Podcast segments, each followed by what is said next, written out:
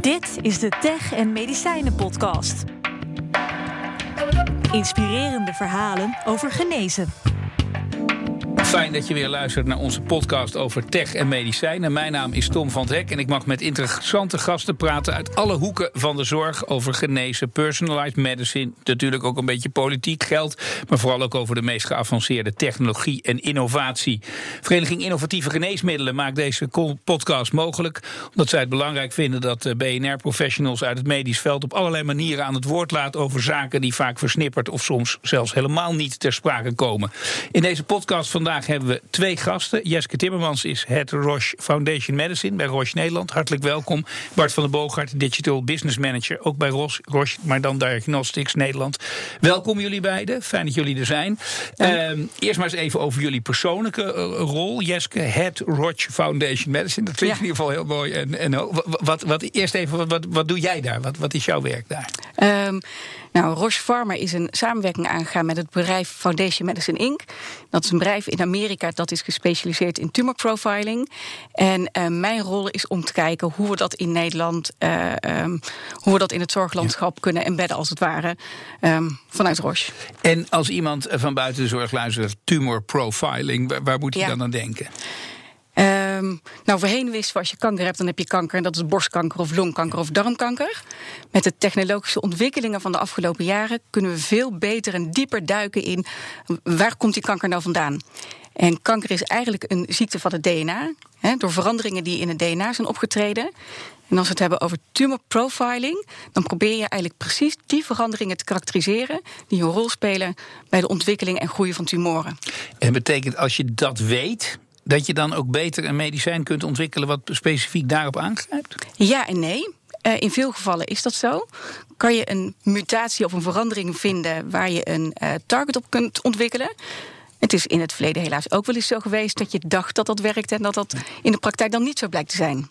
Maar het is wel eh, in de zoektocht naar specifieker kunnen ingrijpen op, uh, op kanker uh, op individuele basis. Zeker, zeg maar. ja, okay. precies. Komen we uitgebreid op terug. Ga ik naar onze andere gast, Bart van der Boogaard, de Digital Business Manager. leg eerst uit, wat, wat doe jij daar zelf? Uh, nou, de Digital Business Manager, wat dat aangeeft, is dat Roche sinds een aantal jaren uh, de digitale uh, weg is ingeslagen.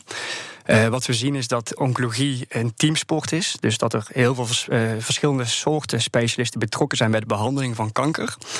Uh, los van alle ontwikkelingen op het wetenschappelijk vlak en aan de diagnostiekkant uh, is het heel belangrijk om die specialisten zo goed mogelijk te kunnen ondersteunen in hun dagelijkse werkzaamheden, specifiek bij het stellen van een diagnose en behandeling.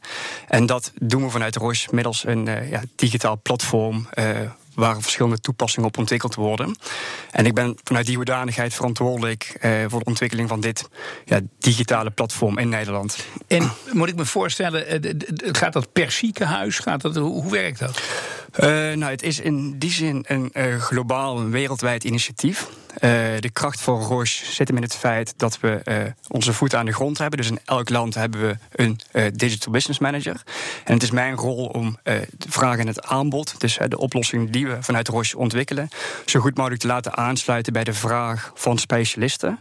en in principe is de oplossing ja, voor ieder ziekenhuis beschikbaar. Het betekent dan dat je eigenlijk veel meer data en informatie gaat koppelen aan elkaar en hopelijk op die manier ook sneller en beter tot diagnose en oplossingen komt? Ja, het is in die zin een digitaal platform. Uh, zie het als een soort van digitale overlegtafel. Uh, in de basis uh, is het de noodzaak om de juiste informatie van de verschillende specialisten aan tafel te krijgen. Dus inherent daaraan is het koppelen van informatie uit bijvoorbeeld elektronische patiëntendossiers, de radiologiesystemen, laboratoriasystemen, om die discussiestukken ter tafel te brengen en dan gezamenlijk daar een besluit over te nemen. Dat is het in het ja. begin. Uh, met uiteindelijk het ja, doel om daar slimme technologie op los te laten. En eventueel nog suggesties te kunnen doen voor bijvoorbeeld klinische trials, ja. uh, relevante literatuur. Dus echt het besluitvormingsproces te stroomlijnen en te ondersteunen. Um, nou, zei je al, het is teamsport. Jeske, kijk ook naar jou. Jullie, jullie zitten hier in één ruimte nu. Zitten ja. jullie bij Roosje ook vaak? Ik bedoel, kruisen jullie wegen elkaar veel? En de wegen kruisen elkaar wel. Ehm, maar we zijn in Nederland wel zo ehm, georganiseerd dat wij als pharma in Woerden zitten en Diagnostics zitten in Almere. Ze zijn twee juridische verschillende entiteiten en we zoeken wel de samenwerking op. Waar we elkaar kunnen versterken, zullen we dat doen. En soms moeten we ook als eigen entiteit. En heb je ideeën eh, waar je, eh, nu je hem toch ziet, zeg maar, waar je hulp kunt halen? Waar, waar kunnen jullie elkaar versterken, wat jou betreft? Um, nou, die oplossing waar hij het zojuist over had, het stroomlijnen van de verschillende informatiebronnen uh, over of voor een patiënt om tot een juiste besluitvorming te komen. Um, uh, er spelen natuurlijk de geneesmiddelen of de tumorprofiling, waar wij natuurlijk mee bezig zijn, ook een hele belangrijke rol in. Um, dus als je daar samen gaat overleggen van hoe zou je nou de gezondheidszorg samen kunnen vormgeven, dat dit ook daadwerkelijk die versnelling maakt die technisch mogelijk is. En dat is waar we elkaar proberen te vinden. Ja. ja. Ja, en, ja, een mooie toevoeging is denk ik dat vanuit de diagnostiekkant uh, er heel erg gekeken wordt naar pathologen, klinisch chemici. Dus eigenlijk een andere soort specialist in het ziekenhuis. En waar pharma uh, vaak de verbinding legt, is met oncologen, uh, de, de, de, de, ja, de, de meer ja, behandelend specialisten. En daar zit een hele mooie synergie eh, om ja, samen eh, dit pad te bewandelen.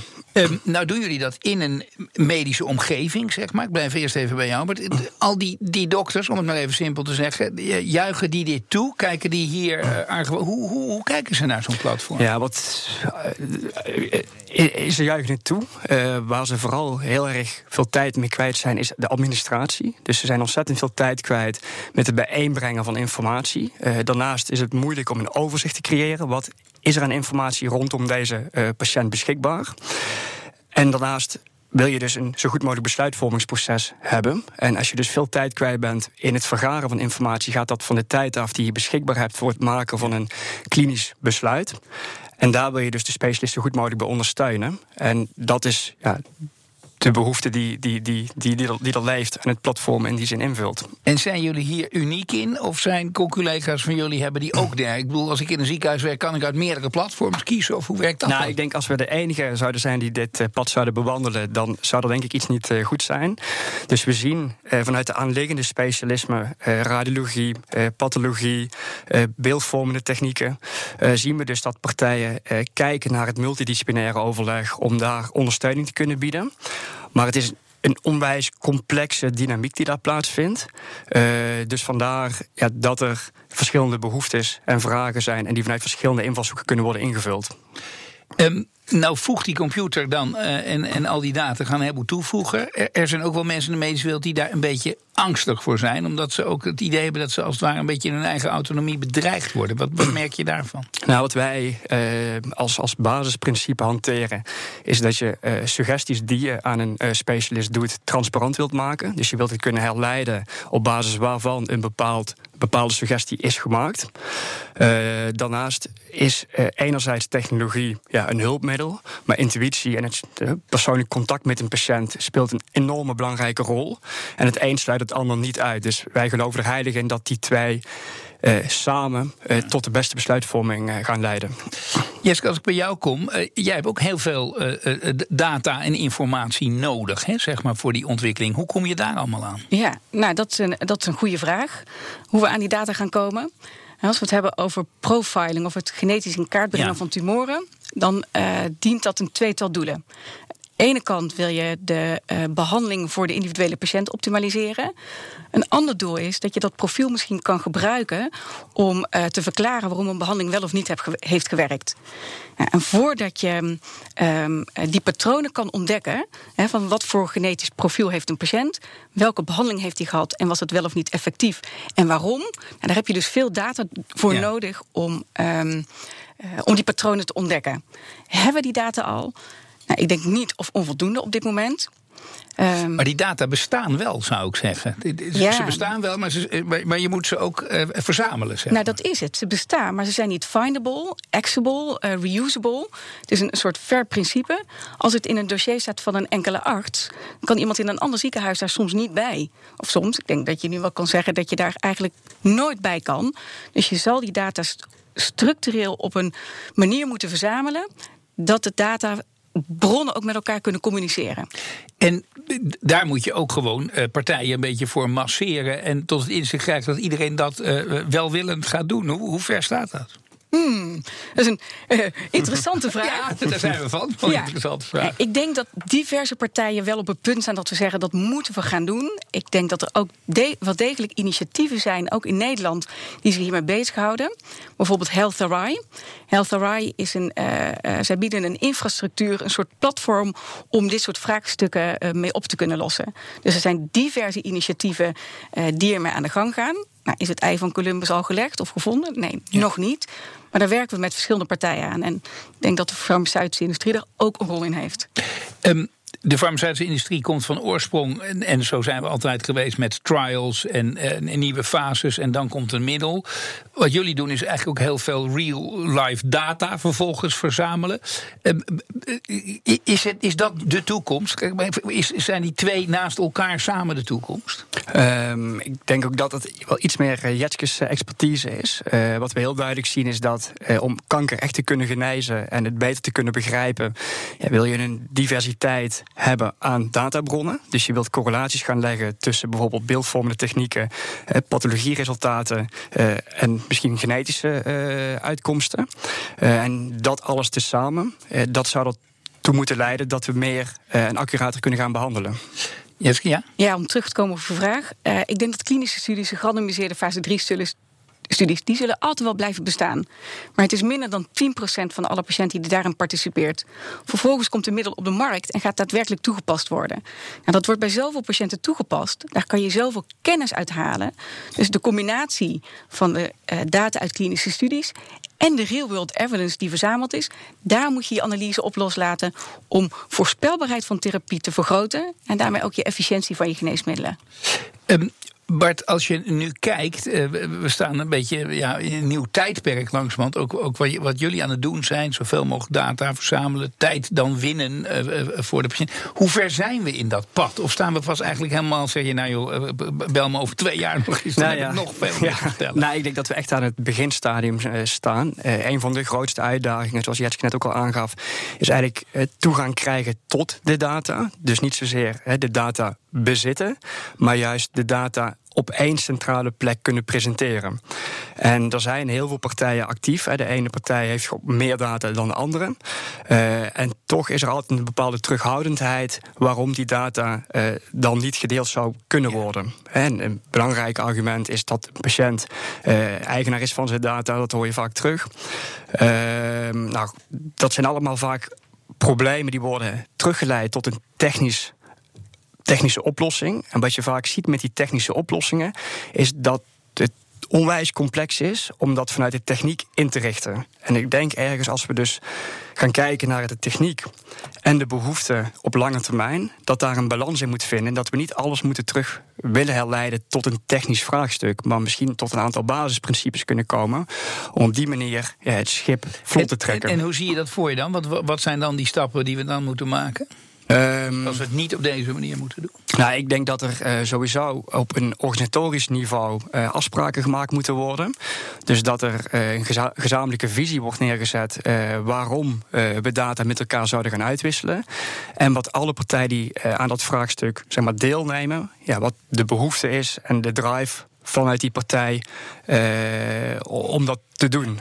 dus ik denk echt op een hoger niveau wat meer weg van het polderen. Dat iedereen in zijn achtertuin uh, ja, iets doet wat wel degelijk belang heeft voor de zorg. Maar wellicht niet direct bijdraagt aan het hoger gelegen doel. Jesse, dan kijk ik ook naar jou. Jullie willen data. Je zijn het ook een aantal van die data zijn er, maar ze zijn niet altijd te ontsluiten. Er zijn ook meer mensen die die data uh, uh, willen. Ja. Uh, het hogere doel, ik, ik, snap hem. Maar, maar in ieder heeft daar ook weer zijn of haar eigen belang in. Hè? Belemmert dat ook een beetje de voortgang? Ik denk dat dat zeker op dit moment de voortgang belemmert. Uh, er zitten zoveel perverse prikkels in het systeem.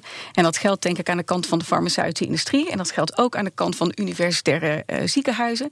Het geldt misschien ook aan de kant van patiënten. En er is een sentiment en een angst om data te delen. Omdat iedereen bang is dat zijn of haar data misbruikt ja. gaan worden. Dus je moet met elkaar een systeem gaan inrichten. waarbij je mensen ervan uh, kan verzekeren dat data veilig gedeeld worden, dat er geen misbruik plaatsvindt, maar dat je wel gebruik kan, gebruik kan maken van data om um, de zorg alleen maar beter te maken. Nou mag ik ook op heel wat plekken komen. En dan zal sociaal wenselijk iedereen eh, zeggen... daar ben ik het mee eens. En dat wil ik ook. Dat moeten we vooral ook gaan doen. Maar, hoe maar de grote vraag is natuurlijk een beetje hoe dan... en op welk niveau dat dan uiteindelijk eh, vlot getrokken moet worden. Hebben jullie daar een idee over? Het maakt me eigenlijk niet uit Hmm. Ik denk, ja, think big, start small. je, kan, je, je hebt een einddoel uh, voor ogen. Uh, waarmee je zegt, ik denk dat alle data van uh, patiënten uit de gezondheidszorg beschikbaar zouden moeten komen voor onderzoek. Kijk of je klein klein kan beginnen. Hoe kunnen wij um, um, onze klinische studies koppelen aan real-world data. En dan niet om bovenop de data te zitten en eigenaar te zijn, maar hoe kan je die data nou in gezamenlijkheid gebruiken met autoriteiten die gaan over uh, het zinnig gebruik, over registraties, om je analyse erop los te laten en te zeggen: en dit is wat we ermee gaan doen. En nou, enkele dagen geleden eh, werden wij, eh, nou jullie misschien helemaal niet, maar een beetje verrast als buitenstaanders door een, een onderzoek vanuit de VU met cardiovasculaire middelen waarin door heel veel gebruik van data je beter zou kunnen voorspellen wie welk middel zou moeten gebruiken. Dat was ook door het verzamelen van heel veel data. Is dat de toekomst? Dat denk ik wel. Dat denk ik wel. Er is momenteel zoveel overbehandeling. En vroeger hadden we geen keus. Je brengt een behandeling op de markt, artsen schrijven een behandeling voor, omdat je weet dat het bij x aantal patiënten werkt. Bij welke patiënt het wel of niet werkt, kan je eigenlijk niet duiden. Met de ontwikkelingen die we nu hebben op technologie en met data, kan je veel beter gaan voorspellen welke patiënt baat heeft bij welke therapie. En ik denk dat dat absoluut de toekomst is. En dat is denk ik ook wat we noemen met personalized healthcare. De juiste behandeling voor de juiste patiënt op het juiste moment. Ehm, blijf ik nog met een probleempje zitten, eh, eh, Bart? Eh, dit, dit, wil iedereen. Dit, hier is iedereen van overtuigd. Die route gaat het ook op. Er zijn verschillende spelers in dat stelsel. Jullie zijn een private speler als totale partij. Er zijn een aantal publieke spelers. Maakt dat het ergens lastig om elkaar te vinden? Ja, ik denk een heel belangrijk basisprincipe is vertrouwen. Uh, dus hoe kunnen we zeg maar, maatschappij inrichten of een setting creëren uh, waarin we uh, op basis van vertrouwen een, een, een klein project kunnen optuigen. waarin we dus het groter doel beschrijven. En vanuit verschillende invalshoeken de samenwerking op gaan starten. en daar vooral van te leren. Dus ik denk vooral, we moeten het vooral gaan ja. doen. Ehm, maar ja, het is een onwijs complex uh, wat, verhaal. Wat, Jeske, jij zegt ook, start dan klein. Zijn er projecten waarin jullie dan zeggen, nou daar zijn we gestart en daar groeit dat vertrouwen dan ook? Voel je dat dan ook als je eenmaal begint? Ja, ik kan dat niet heel erg concreet maken. Maar vanuit zeg maar, de hoek waar ik nu werk, uh, profiling en personalized healthcare, ga ik nu de eerste gesprekken aan met diverse partijen. Waaronder zorgverzekeraars, um, uh, maar ook zoals ik net uh, aangaf, Health Rai. En dan merk je steeds meer van: oké, de basis van wat we willen is hetzelfde. En het besef dat we allemaal samen moeten werken om dat voor elkaar te krijgen ook. Dus dat is denk ik wel een begin en een basis van vertrouwen om op verder te bouwen.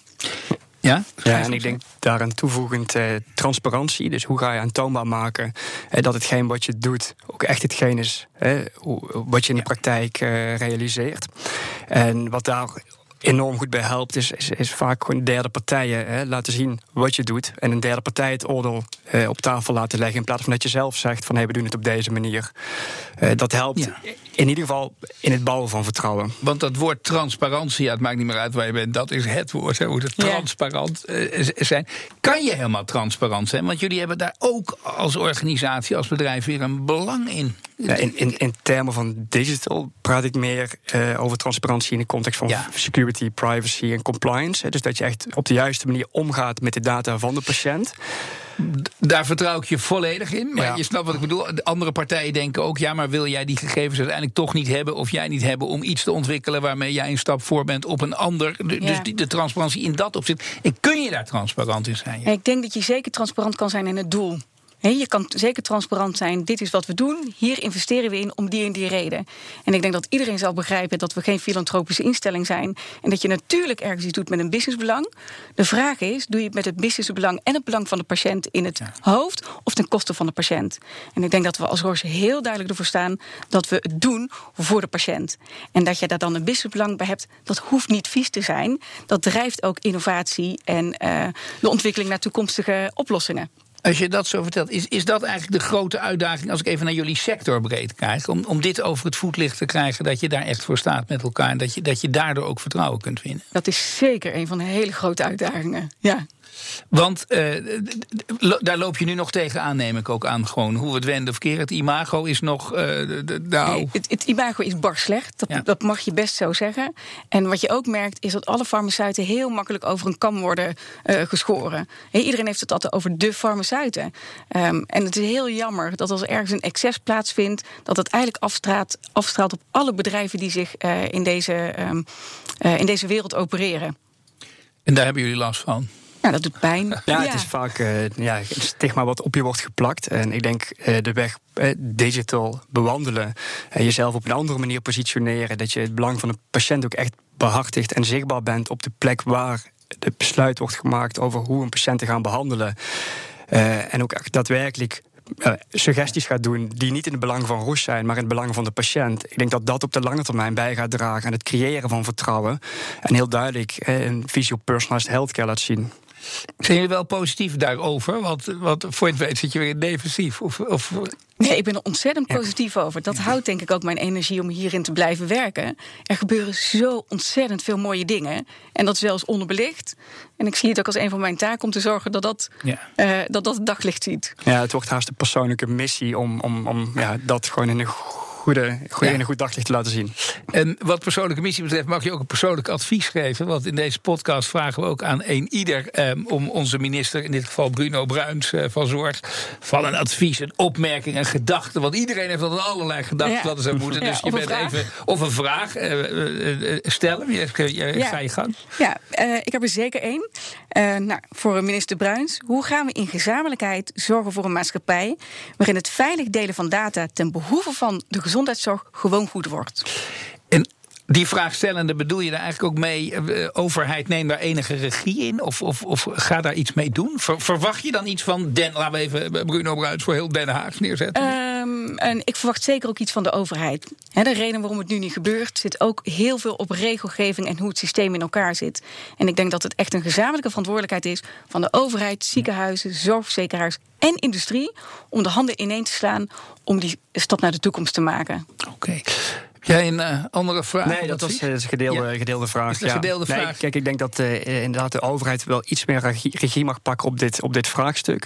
Ik denk door de historie, uh, neem bijvoorbeeld het LSP, wat uiteindelijk ja, niet goed is geland, zijn ze wat meer naar de achtergrond getreden. zijn we wat meer op het polderen uitgekomen. En ik denk juist bij wat meer regievoerende rol zou er aan toe kunnen bijdragen ja, dat we dus meer vertrouwen uh, met elkaar hebben en data openlijker kunnen gaan delen. Mijn laatste vraag aan jullie is: aan jullie beiden. Jullie zitten in een enorm grote internationaal opererende firma. die op ontzettend veel vlakken, maar vooral ook in heel veel landen uh, uh, werkzaam is. Zien jullie nou dingen waarvan je denkt dat hebben ze daar al eigenlijk veel beter geregeld? Zouden wij morgen ook moeten doen? En zo, zo ja, ik zie jou knikken. Ja. Wat zie je en waar zie je dat dan? Ja, volgens mij is het in Estonia, maar dat zou ik moeten opzoeken of dat het land is. Wat ze daar hebben gedaan, daar hebben ze uh, de persoonlijke gezondheidsdata van de burgers gekoppeld aan een uniek nummer. Zoals we een SOFI-nummer hebben. En die is wel versleuteld, dus het is niet zo dat iedereen erbij kan. Maar dat betekent dat de data van iedereen gekoppeld is aan een bepaald nummer. En dat je dus ook onderzoek kan gaan doen. Dat je dus ook retrospectief zou kunnen gaan kijken van... hé, hey, laten we eens kijken naar alle patiënten die middel X hebben gebruikt... Uh, voor hun tiende levensjaar en heeft dat nou effect gehad op uh, de latere outcome. Dus dat is een enorme uh, mooie bron, goed georganiseerd en goed gestructureerd... waar je vreselijk mooi onderzoek mee kan doen. En dat is eigenlijk ook wat in jouw vraag voor scholen zit. Hè? Van, we moeten ja. dat meer centraliseren met elkaar... om, om die gegevens veel opener naar elkaar toe te krijgen. Dus... Ja, precies. In, in jouw opzicht, ja, ik denk wat de platformen we, betreft? Los van uh, zeg maar wat, we, wat, wat er in, buiten Nederland al gebeurt. Ik denk wat we in Nederland al onwijs goed doen. Is we hebben een enorme digitalisering achter de rug. Dus het feit dat we al digitaal zijn. Dat is weer een volsprong zeg maar, op de landen om ons heen. Uh, dat maakt tegelijkertijd ook complex. Want wat je dus vaak hebt, is dat mensen al een bepaald systeem gebruiken. En daardoor wordt het moeilijk om de meerwaarde te zien van een nieuw systeem. En mensen zijn nu eenmaal gewoontedieren en houden graag vast aan hetgeen wat ze hebben. En dat hindert uh, de ontwikkeling naar een personalized healthcare uh, visie. Waarbij je dus eigenlijk als vertrekpunt hetgeen hebt wat je nu gebruikt. Alleen ga je op een slimme manier gebruik maken van de data en ga je helpen bij het uh, klinische besluitvormingsproces. En dat is tegelijkertijd weer ja, een nadeel van het, uh, het, voordeel wat we in Nederland hebben, dat we gewoon in zo'n hoge mate gedigitaliseerd zijn. Ik wil jullie beiden danken voor alles wat jullie met ons hebben willen delen in deze podcast. Jeske Timmermans, het Roche Foundation Medicine bij Roche Nederland. En Bart van der Bogen, Digital Business Manager bij Roche Diagnostics Nederland. Dank. Uh, willen jullie meer horen uit deze serie? Want dit was er zomaar één. Hè? Ga dan naar de BNR-app en in een paar kliks ben je ook weer gratis geabonneerd op de hele serie. Dank voor het luisteren naar deze en graag tot de volgende.